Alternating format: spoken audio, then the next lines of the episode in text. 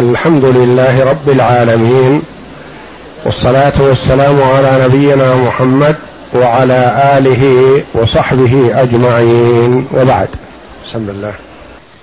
بسم الله الرحمن الرحيم. والصلاة والسلام على أشرف الأنبياء والمرسلين نبينا محمد وعلى آله وصحبه أجمعين. قال المؤلف رحمه الله تعالى الثاني عشر وفد نجران. الثاني عشر من الوفود إلى النبي صلى الله عليه وسلم في السنة التاسعة من الهجرة. وتسمى هذه السنة سنة الوفود لكثرة من وفد على النبي صلى الله عليه وسلم جاءوا إليه في المدينة. والنبي صلى الله عليه وسلم جلس في مكة ثلاث عشرة سنة يدعو إلى عبادة الله وحده وإلى توحيد الله ونبذ الأصنام. فما استجاب له إلا القليل ممن وفقهم الله جل وعلا. ثم هاجر صلى الله عليه وسلم من مكة إلى المدينة وهو يدعو إلى الله جل وعلا بعدما استجاب له الأنصار رضي الله عنهم وأرضاهم وهم أخوان من الأوس والخزرج. وكان بينهما حروب طاحنة ومهلكة فهداهم الله جل وعلا بمحمد صلى الله عليه وسلم وألف بين قلوبهم فصاروا إخوة متحابين.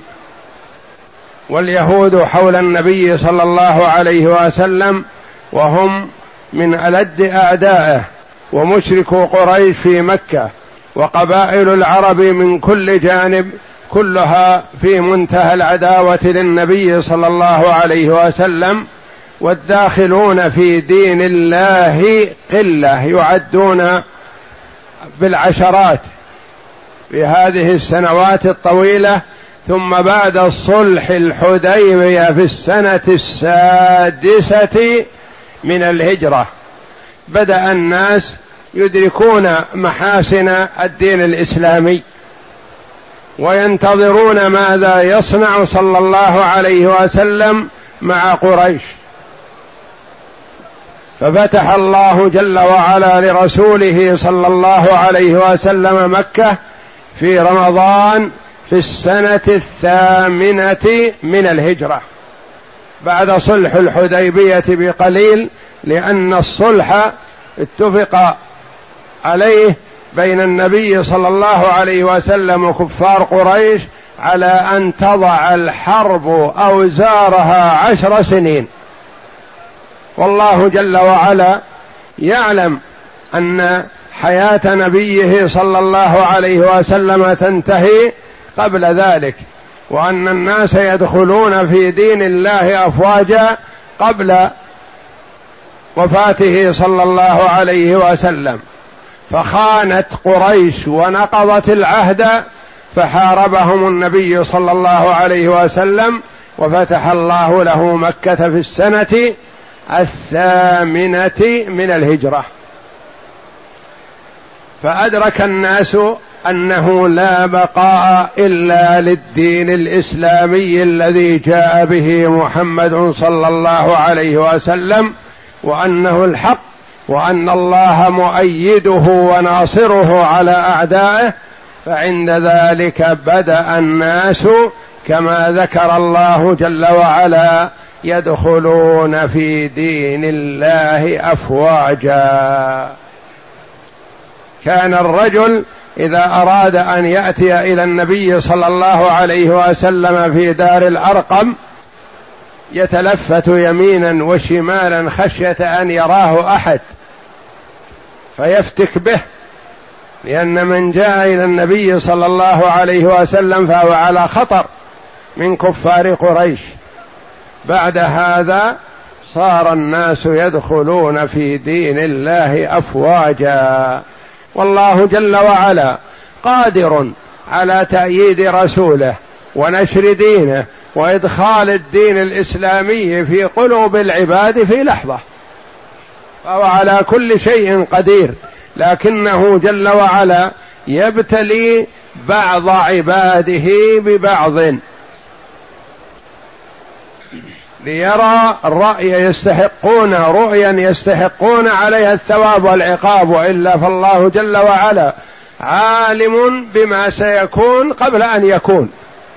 يعلم جل وعلا ما سيكون إلى يوم القيامة قبل أن يوجد هذا الشيء. لكنه جل وعلا يبتلي عباده ابتلاء يستحقون عليه الثواب والعقاب.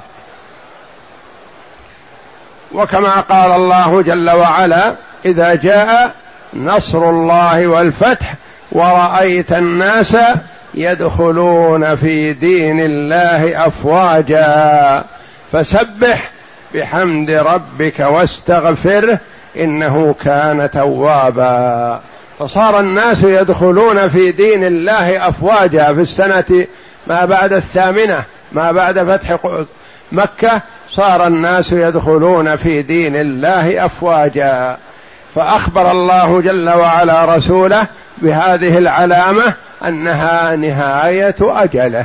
إذا جاء نصر الله والفتح ورأيت الناس يدخلون في دين الله أفواجا فسبح بحمد ربك واستغفره. أديت الرسالة. أكملت ما أمرت به. فاستعد للقاء ربك. ففي السنة التاسعة من الهجرة تكاثرت الوفود. وغزا النبي صلى الله عليه وسلم تبوك وهي آخر غزوة غزاها لأنه كان في حاجة إلى البقاء في المدينة لاستقبال الوفود. من كل حدب وصوب من كل جهة. حتى جاءه وفود من اليمن ومن نجران ومن الشام ومن جميع الجهات تفد إلى النبي صلى الله عليه وسلم. وهذا وفد نجران. نجران كان يسكن فيه النصارى واليهود وهم على وهم قلة والمشركون. ثلاثة طوائف تقيم في نجران لكن الأغلبية والكثرة للنصارى. وكان منهم قساوسة وعلماء بالمسيحية وتغدق عليهم دولة الرومان لأنهم يخدمون دينهم فيما يزعمون فيغدقون عليهم العطاء وهو الذي جعل بعض قساوسة نجران يمتنع عن الدين الإسلامي لأن الروم لا يريدون ذلك ويخشى أن يقطعوا ما خصصوه له كما سيأتينا. نعم. وفد نجران نجران بفتح النون وسكون الجيم بلد كبير على سبع مراحل من مكة إلى جهة اليمن كان يشتمل على ثلاث وسبعين قرية مسيرة يوم للراكب السريع. يعني واسعة واد واسع وواد خصب من حيث الزراعة والمياه. واد خصب للزراعة والمياه وممتد طويلا. وكان يؤلف مئة ألف مقاتل كانوا على دين المسيحية. يقول ابن القيم رحمه الله تعالى في كتابه المشهور الكتاب القيم الهدي النبوي زاد المعاد في هدي خير العباد. يقول رحمه الله وفد على النبي على رسول الله صلى الله عليه وسلم وفد نصارى نجران بالمدينة.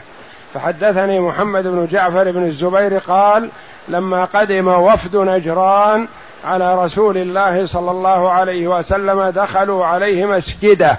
بعد صلاة العصر فحانت صلاتهم فقاموا يصلون في مسجده فأراد الناس منعهم فقال رسول الله صلى الله عليه وسلم دعوهم فاستقبلوا المشرق فصلوا صلاتهم.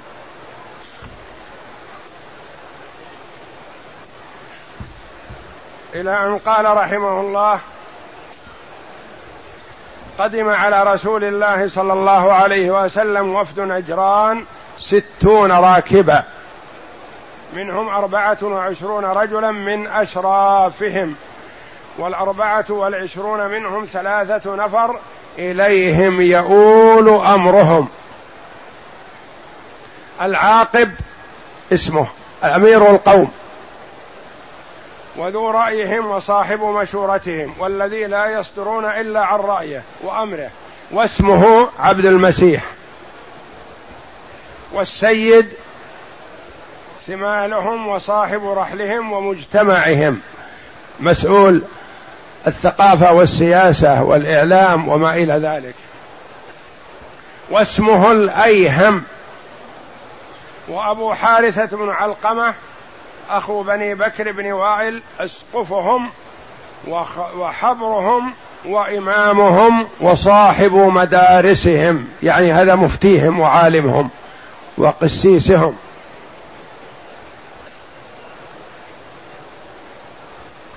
وكان أبو حارثة قد شرف فيهم هذا القسيس الذي هو عالمهم وحبرهم ودرس كتبهم.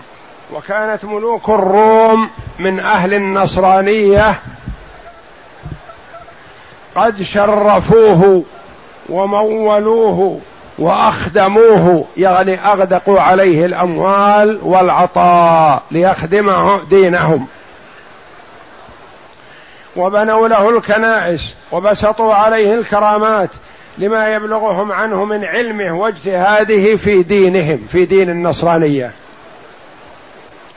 فلما وجهوا إلى رسول الله صلى الله عليه وسلم من نجران جلس أبو حارثة هذا العالم على بغلة له موجها إلى رسول الله صلى الله عليه وسلم. هو مفتي القوم الذين توجهوا إلى الرسول عليه الصلاة والسلام في المدينة. وإلى جنبه أخ له يقال له كرز بن علقمة. يسايره. إذ عثرت بغلة أبي حارثة القسيس. فقال له كرز تعس الأبعد. من يريد؟ يعني رسول الله صلى الله عليه وسلم. يقول يعني هذه الرحلة إلى هذا الرجل وأصابت هذه النكسة الراحلة بسببه فيدعو عليه صلى الله عليه وسلم بالتعاسة لحكمة يريدها الله جل وعلا لينطق الحق. فقال له أبو حارثة هذا القسيس بل أنت تعست يقصد أخاه. فقال ولم يا أخي؟ يعني أنا أدعو إلى الأبعد أدعو على الأبعد الذي عنانا وكلفنا وأتعبنا وأنت ترد التعاسة إلي. ولم يا أخي؟ فقال والله إنه النبي الأمي الذي كنا ننتظره. عرفه. فقال له كرز أخوه. فما يمنعك من اتباعه وأنت تعلم هذا؟ لما لا تتبعه؟ فقال ما صنع بنا هؤلاء القوم يعني الروم. شرفونا ومولونا وأكرمونا وقد أبوا إلا خلافه. ما يريدون الموافقة الرسول. ما يريدون موافقة محمد ونحن معهم. ولو فعلت يعني اتبعته نزعوا منا كل ما ترى من المال والجاه والرياسة. كله يأخذونه. فهو حافظ على هذا والعياذ بالله.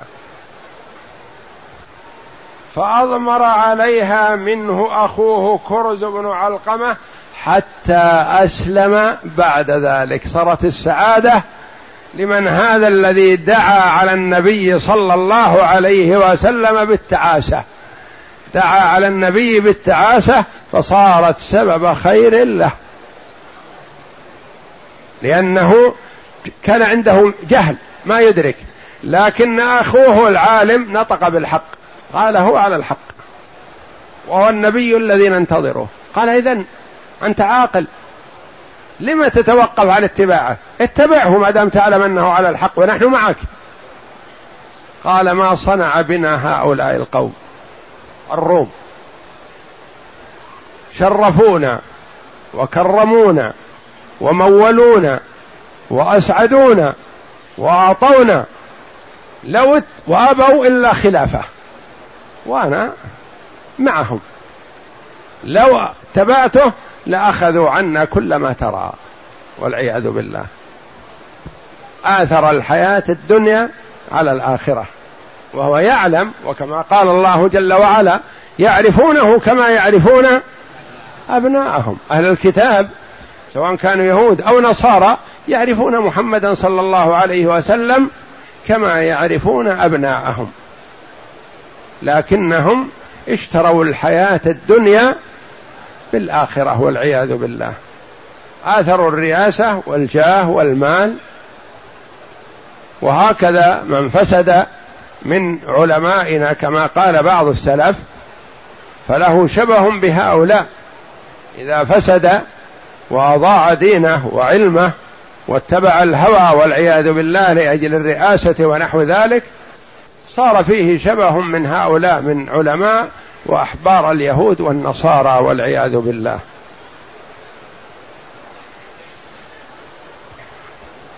ولكن هذا الرجل الذي علمه أخوه وهو يثق به اتبعه. اتبع محمدا صلى الله عليه وسلم وذهب إلى المدينة وأسلم وحسن إسلامه رضي الله عنه.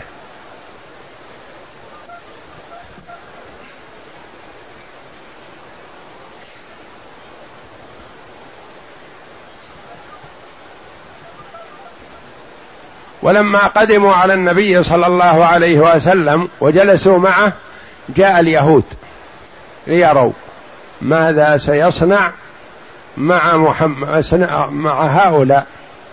لأن اليهود والنصارى كلهم يعرفون حقيقة أمر الرسول صلى الله عليه وسلم وأنه حق. لكن كل واحد منهم والعياذ بالله يجحد ذلك ويخاف من الفريق الآخر أن يفضحه.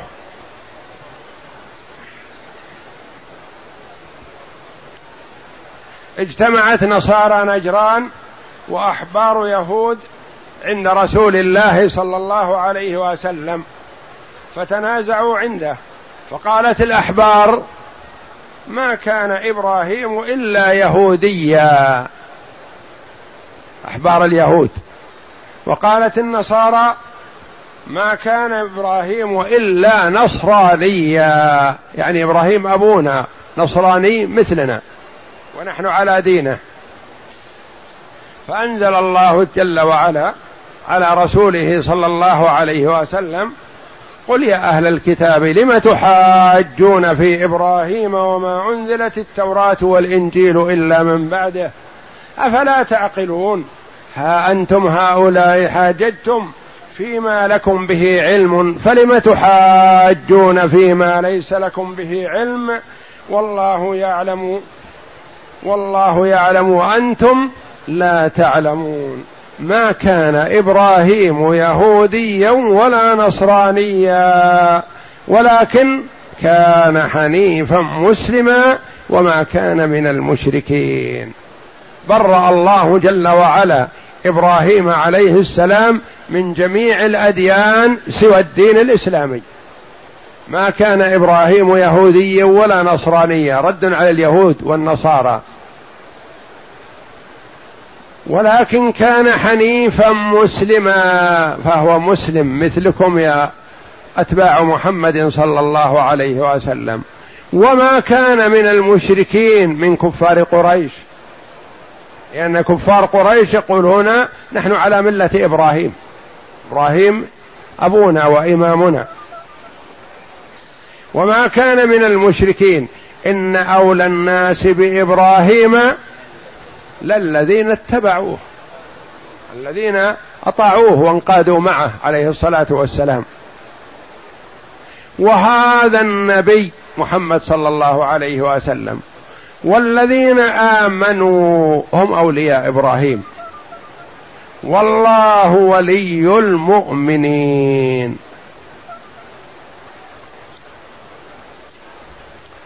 فقال رجل من الأحبار أتريد منا يا محمد أن نعبدك كما تعبد تعبد النصارى عيسى بن مريم؟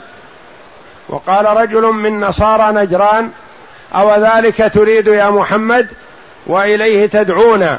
فقال رسول الله صلى الله عليه وسلم معاذ الله أن أعبد غير الله أو آمر بعبادة غيره ما بذلك بعثني ولا أمرني.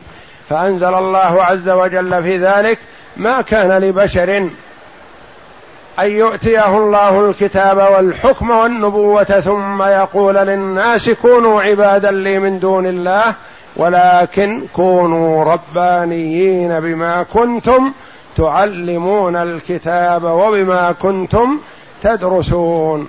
ولا يأمركم أن تتخذوا الملائكة والنبيين أربابا ايامركم أيأمركم بالكفر بعد إذ أنتم مسلمون. أيأمركم بالكفر بعد إذ أنتم مسلمون. ثم ذكر ما أخذ عليهم وما على آبائهم من الميثاق بتصديقه وإقرارهم به على أنفسهم فقال وإذ أخذ الله ميثاق النبيين إلى قوله من الشاهدين. ولما قدم وفد نجران على رسول الله صلى الله عليه وسلم يسألونه عن عيسى بن مريم نزل فيهم فاتحة آل عمران إلى رأس الثمانين آية في صفة المسيح عيسى بن مريم على نبينا وعليه أفضل الصلاة والسلام.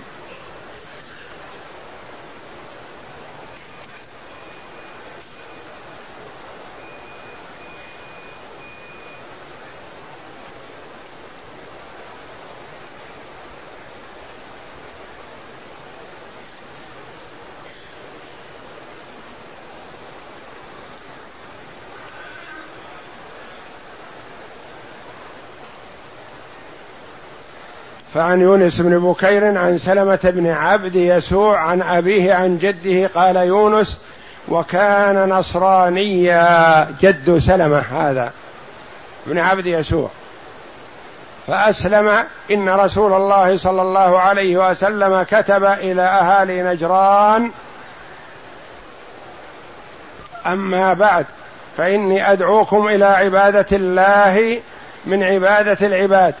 وأدعوكم إلى ولاية الله من ولاية العباد. فإن أبيتم فالجزية فإن أبيتم فقد آذنتكم بحرب. فلما أتى الاسقف الكتاب فقرأه فضع به ودع وذعر به ذعرا شديدا. فبعث إلى رجل من أهل نجران يقال له شرحبيل ابن وداعة صاحب رأي ومشوره وكان من همدان ولم يكن أحد يدعى إذا نزل معضلة قبله لا الأيهم ولا السيد ولا العاقب فدفع الأسقف كتاب رسول الله صلى الله عليه وسلم إليه فقرأه فقال الأسقف يا أبا مريم. يعني هذا أبو شرحبيل. ما رأيك؟ فقال شرحبيل قد علمت ما وعد الله إبراهيم في ذرية إسماعيل من النبوة. فما يؤمن أن يكون هذا هو ذلك الرجل. يقول أنت تعرف أن الله وعد إبراهيم بنبي من ذرية إسماعيل وقد يكون هذا هو الرجل هذا هو الموعود به فبادر إليه.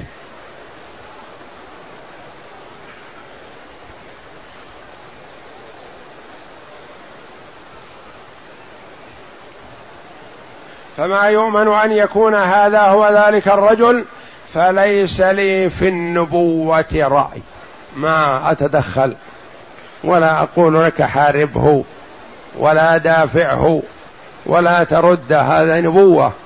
هذا صاحب رأي. هذه نبوة. ما يصح أن أقف في وجهها برأيي. ولو كان من أهل نجران يقال له عبد الله بن شرحبيل وهو من ذي أصبح من حمير. فدعاه وقال الأول ائتنح ليرى رأي الآخر.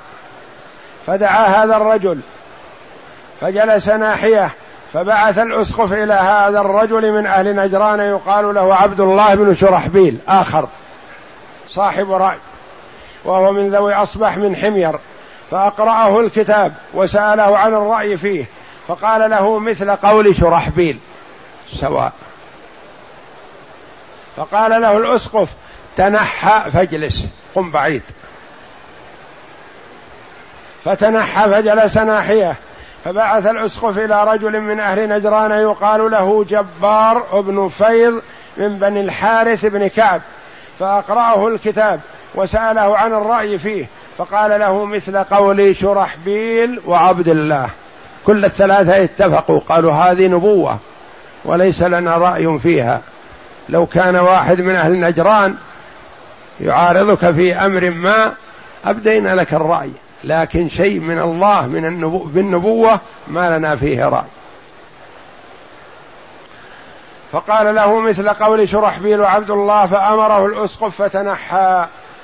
فلما اجتمع الرأي منهم على تلك المقالة جميعا أمر الأسقف بالناقوس فضرب ورفعت المسوح في الصوامع. وكذلك كانوا يفعلون إذا فزعوا بالنهار. وإذا كان فزعهم بالليل ضرب الناقوس ورفعت النيران في الصوامع. فاجتمع حين ضرب بالناقوس ورفعت المسوح. أهل الوادي أعلاه وأسفله. كل أهل نجران اجتمعوا عند الأسقف. وطول الوادي مسيرة يوم للراكب السريع وفيه ثلاث وسبعون قرية. وعشرون ومائة ألف مقاتل. فقرأ عليهم كتاب رسول الله صلى الله عليه وسلم وسألهم عن الرأي فيه. فاجتمع رأي أهل الوادي منهم على أن يبعثوا شرحبيل ابن وداعة صاحب الرأي الأول وعبد الله بن شرحبيل صاحب الرأي الثاني وجبار بن فيض الحارثي فيأتوهم بخبر رسول الله صلى الله عليه وسلم. هؤلاء ذهبوا ثم رجع هؤلاء وذهب الستون الذي ذكر في الكلام الأول وحصل بينه وبين النبي صلى الله عليه وسلم نقاش لما جاء الوفد فسخوا ثياب السفر ولبسوا الحلي الجميلة الغالية الثمن وتختموا بخواتم الذهب وتجملوا فجاءوا إلى النبي صلى الله عليه وسلم فسلموا عليه فلم يرد عليهم السلام وكلموه فلم يرد عليهم الكلام فجلسوا خجلين ماذا يصنعون جاءوا من نجران لهذا الغرض وهذا الرجل أبى أن يكلمهم. عليه الصلاة والسلام. فبحثوا في المدينة عن بعض من كان يتاجر معهم في الجاهلية. فوجدوا عبد الرحمن بن عوف رضي الله عنه وعثمان بن عفان رضي الله عنه فذهبوا إليهم. وقالوا يا عبد الرحمن ما ترى في صاحبكم هذا؟ سلمنا عليه فلم يرد علينا السلام. وأردنا أن نكلمه فلم يسمع منا الكلام. فماذا ترى؟ وكان في القوم علي بن أبي طالب رضي الله عنه. فرأى فيهم ما رآه النبي صلى الله عليه وسلم. فقال أرى أن يذهبوا إلى رحالهم وأن يخلعوا ملابسهم هذه ويخلعوا حليهم هذا. ويلبسوا ثياب سفرهم ويأتوا إلى النبي صلى الله عليه وسلم فيسلموا عليه فحري أن يرد عليهم السلام. هذا رأي علي رضي الله عنه وأرضاه. وهم كانوا لا يعرفون علي لأن علي شاب صغير. وعبد الرحمن بن عوف وعثمان بن عفان كانوا يتاجرون معهم بالتجارة في الجاهلية فعادوا إلى رحالهم وخلعوا ملابسهم التي تجملوا بها وذهبهم وآتوا بثياب السفر فسلموا على النبي صلى الله عليه وسلم فرد عليهم السلام. وسألوه فأجابهم وتكلموا معه فرد عليهم عليه الصلاة والسلام. ثم انه اخبر صلى الله عليه وسلم أنهم قدموا عليه في المرة الأولى والشيطان فوق رؤوسهم. يسوقهم الماء يكلمهم. عليه الصلاة والسلام. يرى ما لا يرون. لأن يعني ما كان معهم عنجهية وكبر وغطرسة وتعاظم فما صلحوا أن يكلمهم صلى الله عليه وسلم وهم بهذه الحالة لأنهم يتكلمون بلسان الشيطان. ولسان الشيطان لا يأتي بخير.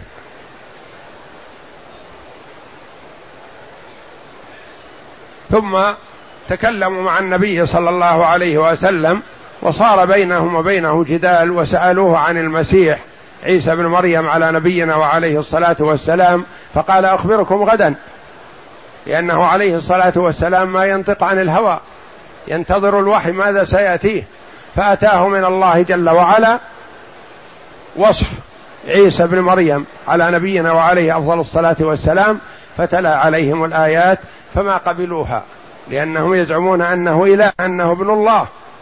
والله جل وعلا يقول عبد الله ورسوله وكلمته ألقاها إلى مريم وروح منه. فأبوا ذلك فخيرهم النبي صلى الله عليه وسلم. قال إذن المباهلة نتباهل وإياكم. ففكروا في هذا ردا لقوله صلى الله عليه وسلم.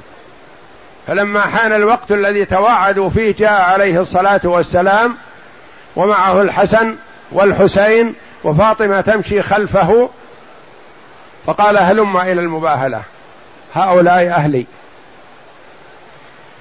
فتشاور الرجلان وقالوا الرجل عنده الجد وسيباهل ونخشى إن باهلنا وكان نبيا أن يقطع الله أثرنا بالكلية ما يبقى منا أحد. لا نحن ولا عقبنا. فنكون جنينا على أنفسنا وعلى من بعدنا. فنعتذر إليه ولا نباهله ولا نتبعه. ونعطيه ما يريد من المال. هذا يريد منا الجزية نعطيه الجزية ولا نحاربه. لأنه إن حاربناه فسيغلبنا. وإن باهلناه فسيهلكنا الله. يعرفون ذلك. ولكن نعطيه ما طلب وهو الجزية ولا نتبعه. إلا من هدى الله منهم فقد اهتدى منهم عدد. لما رأوا من النبي صلى الله عليه وسلم الجدية ورأوا منه الصدق والكلام الحسن والدعوة إلى الله جل وعلا استجابوا منهم أخو عالمهم وحبرهم. لأنه ما كان عنده رئاسة ولا مال يحافظ عليه وأراد أن ينجي نفسه. وأكثر ما يقف في وجه الحق القطرسة والكبرياء مع الجاه والمال. عند الإنسان يشح بها ولا يرضى مع أن الإسلام يزيده جاها وقربة عند الله جل وعلا في الدنيا والآخرة. الإسلام عز للمرء في الدنيا وسعادة له في الآخرة. وعدمه وإن نال ما نال من جاه الدنيا فإنه سويعات. سويعات ويضمحل يذهب. أقرأ. وكانت وفادة أهل نجران سنة تسع من الهجرة وقوام الوفد ستون رجلا منهم أربعة وعشرون من الأشراف فيهم ثلاثة كانت إليهم زعامة أهل نجران. أحدهم العاقب كانت إليه الإمارة والحكومة واسمه عبد المسيح. والثاني السيد كانت تحت إشرافه الأمور الثقافية والسياسية واسمه الأيهم أو شرحبيل. والثالث الأسقف وكانت إليه الزعامة الدينية والقيادة الروحانية واسمه أبو الحارث بن علقمة. يعني الأول بيده الإمارة والثاني بيده شيء من السياسة وتدبير الأمور الخارجية. والثالث عنده الإفتاء والزعامة الدينية. لا يصدرون عن الأمور الدينية إلا عنه وهو الذي أكرمته الروم. نعم. ولما نزل الوفد بالمدينة ولقي النبي صلى الله عليه وسلم سألهم وسألوه ثم دعاهم إلى الإسلام وتلا عليهم وتلا عليهم القرآن فامتنعوا وسألوه عما يقول في عيسى عليه في عيسى عليه السلام. فمكث رسول الله صلى الله عليه وسلم يومه ذلك حتى نزل عليه قول الله تعالى إن مثل عيسى عند الله كمثل آدم خلقه من تراب ثم قال له كن فيكون الحق من ربك فلا تكن من الممترين فمن حاجك فيه من بعد ما جاءك من العلم فقل تعالوا ندعو أبناءنا وأبناءكم ونساءنا ونساءكم وأنفسنا وأنفسكم ثم نبتهل فنجعل لعنة, فنجعل لعنة الله على الكاذبين ولما أصبح رسول الله صلى الله عليه وسلم أخبرهم بقوله في عيسى بن مريم عليه الصلاة والسلام في, ذلك في ضوء هذه الآية الكريمة وتركهم ذلك اليوم ليفكروا في أمرهم فأبوا أن يقروا بما قال في عيسى. ما رضوا أن يقولوا مثل ما قال في عيسى مثل ما قال الله لأنهم يزعمون أنه ابن الله أو ثالث ثلاثة أو إله مع الله تعالى الله. فلما أصبحوا وقد أبوا عن قبول ما عرض عليهم في من قوله في عيسى وأبوا عن الإسلام دعاهم رسول الله صلى الله عليه وسلم إلى المباهلة وأقبل مجتمع قوله جل وعلا فمن حاجك فيه من بعد ما جاءك من العلم فقل تعالوا ندعو أبناءنا وأبناءكم ونساءنا ونساءكم وأنفسنا وأنفسكم ثم نبتهل يعني يدعو الله على الظالم على الكاذب. نعم. فأقبل مشتملا على الحسين الحسن والحسين في خميل له وفاطمة تمشي عند ظهره فلما رأوا منه الجد والتهيؤ خلوا وتشاور خلوا, خلوا, وت... خلوا يعني أبعدوا وتشاورون. هل يباهلون هذا الرجل؟ لأنهم يزعمون أن عندهم العلم والبصيرة فهم قساوسة وعلماء لكن و ويريدون الوقوف في وجهه في دعوته عليه الصلاة والسلام. خلوا. خلوا وتشاوروا فقال كل من العاقب والسيد للآخر لا تفعل فوالله لئن كان نبيا فلعاننا لا نفلح نحن ولا عننا. فلا عننا لا نفلح نحن ولا عقبنا من بعدنا. فلا يبقى على وجه الأرض منا شعرة ولا ظفر إلا هلك. ثم اجتمع رأيهم على تحكيم رسول الله صلى الله عليه وسلم في أمرهم فجاءوا وقالوا إنا نعطيك ما سألتنا. قالوا تشاوروا وقالوا نحكم ونقول اطلب منا ما تريد وإلا فلن نتبعك ولن نحاربك. لكن اطلب منا ما تريد. الذي هو فرضها صلى الله عليه وسلم الجزية الجزية. فرض الجزية عليهم والتزموا بها. نعم. فقبل رسول الله صلى الله عليه وسلم منهم الجزية وصالحهم على ألفي حلة ألف في رجب وألف في سفر ومع كل ومع كل حلة أوقية يعني ألفي حلة وألفي أوقية. نعم. وأعطاهم ذمة الله وذمة رسوله صلى الله عليه وسلم وترك لهم الحرية الكاملة في دينهم وكتب لهم بذلك كتابا وطلبوا منه أن يبعث عليهم رجلا أمينا فبعث عليهم أمين هذه الأمة أبا عبيدة بن الجراح ليقبض مال الصلح ثم طفق الإسلام يفشو فيهم بدأ من هداه الله ووفقه يعتنق الإسلام لأنها إذا هدأت الحرب بين الفئتين تبصر الناس ونظروا وفكروا وإلا مع الحرب يكون الغطرسة والكبرياء والخيلاء وما ينظر في الأمر. يريد الغلبة على أي حال لكن ما دام حصل الصلح على الجزية والتزمت النصارى بالجزية صار عقلاء يفكرون في أمر النبي صلى الله عليه وسلم لا يأمر إلا بالخير ولا ينهى إلا عن شر ولا يريد المال ولا يريد الجاه وإنما يريد أن يخرج الناس من ظلمات الجهل إلى نور العلم والإيمان. يريد أن يعبد الله وحده والله جل وعلا فطر العباد على استحسان عبادته وحده. والله جل وعلا ما خلق الخلق إلا لعبادته وما خلقت الجن والإنس إلا ليعبدون. والله جل وعلا بعث محمدا صلى الله عليه وسلم هاديا ولم يبعثه جابيا كما قال عمر بن عبد العزيز رضي الله عنه ورحمه. فقد ذكروا أن السيد طلبوا من الرسول أن يبعث معهم رجلا أمينا. قال سأبعث معكم رجلا أمينا حق أمين. وقال هذا أمين هذه الأمة.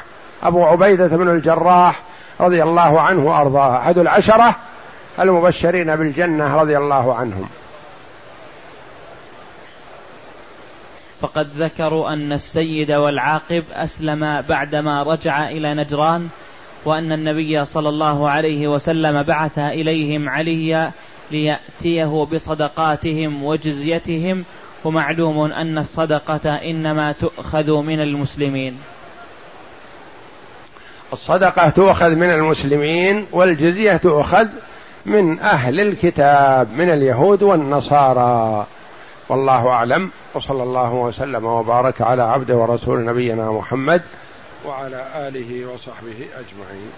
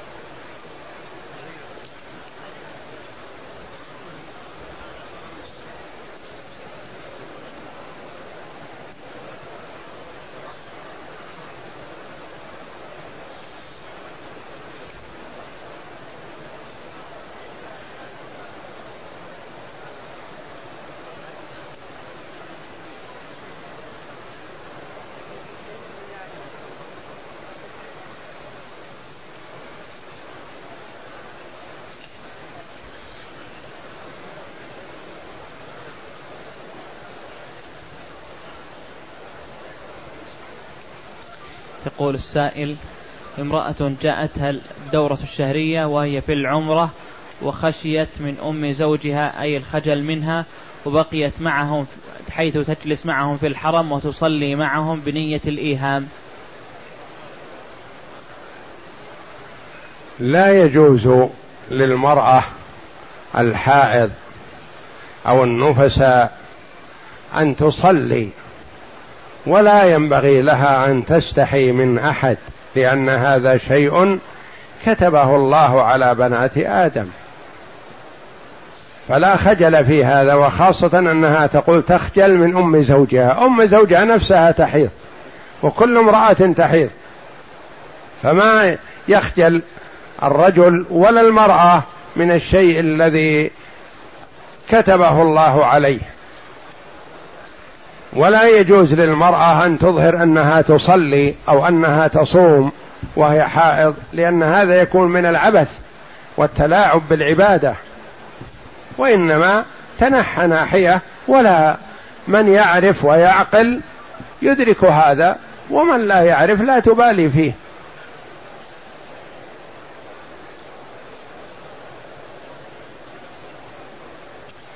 يقول السائل هل يجوز لي أن أبدأ بصيام بصيام السبت في في صيام ست من شوال؟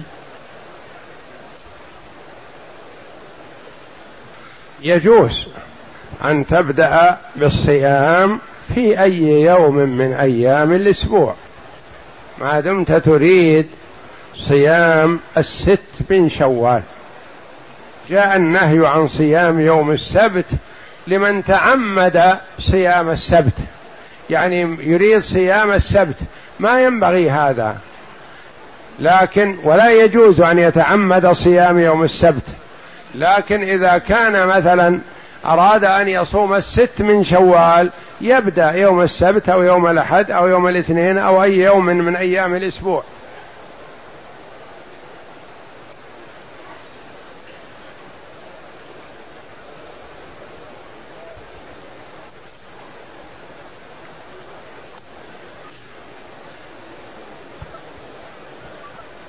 يقول السائل رجل اشترى أرضا مغصوبة فهل يجوز التصدق التصدق من نتاجها؟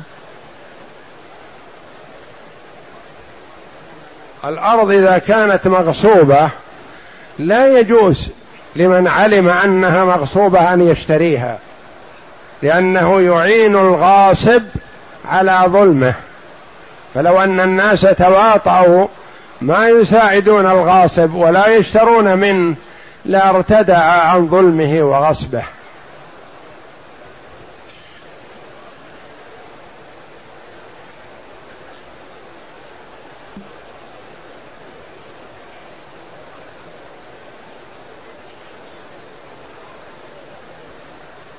يقول السائل ما حكم تقسيم تقسيم الورثة؟ بالنصف علما بأن عدد الأبناء من الأب أربعة ومن الأم عشرة.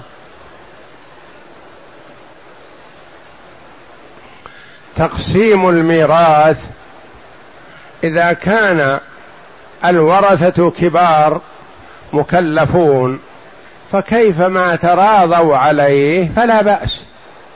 يقول مثلا الذكر لأخته البنت أريد واياك نتقاسم على النصف لك نصف ولي نصف. لا حرج ما يحرم هذا لأن هذا تراضي. تراضي. لكن الأب مثلا يقسم بينهم في يقول بعد موتي خذ يا ولد كذا وخذ يا بنت كذا ويسوي بينهم هذا محرم لأنه يعترض على قسمة الله تعالى. فإذا تراضى الورثة على القسمة وكانوا أهل ومكلفون فكيف ما تراضوا صح. لكن إذا كان فيهم قصار فالقاصر لا بد أن يعطى حقه كامل ولا يتنازل له عن شيء.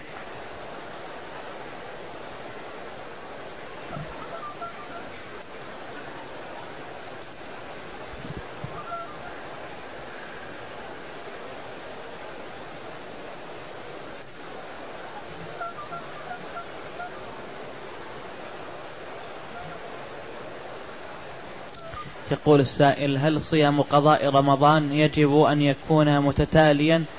أن يكون يوما بعد يوم دون فصل بينهم؟ ما يلزم التتابع في قضاء رمضان. يصوم ويفطر كيفما شاء لكن إذا صام يجب عليه أن يكمل اليوم الذي صامه. ما يجب عليه أن يكمل أيام القضاء إذا دخل في صيام صام يوما وهو قضى يجب إكماله لأنه دخل في فرض. وأما التتابع فلا يلزم بل قضاء رمضان موسع والحمد لله من شوال الذي هو هذا الشهر إلى شهر شعبان. لكن المبادرة في القضاء أفضل لأن الإنسان لا يدري ما يعرض له وهذا شيء واجب. والحرص على براءة الذمة من الواجب مطلوب شرعا.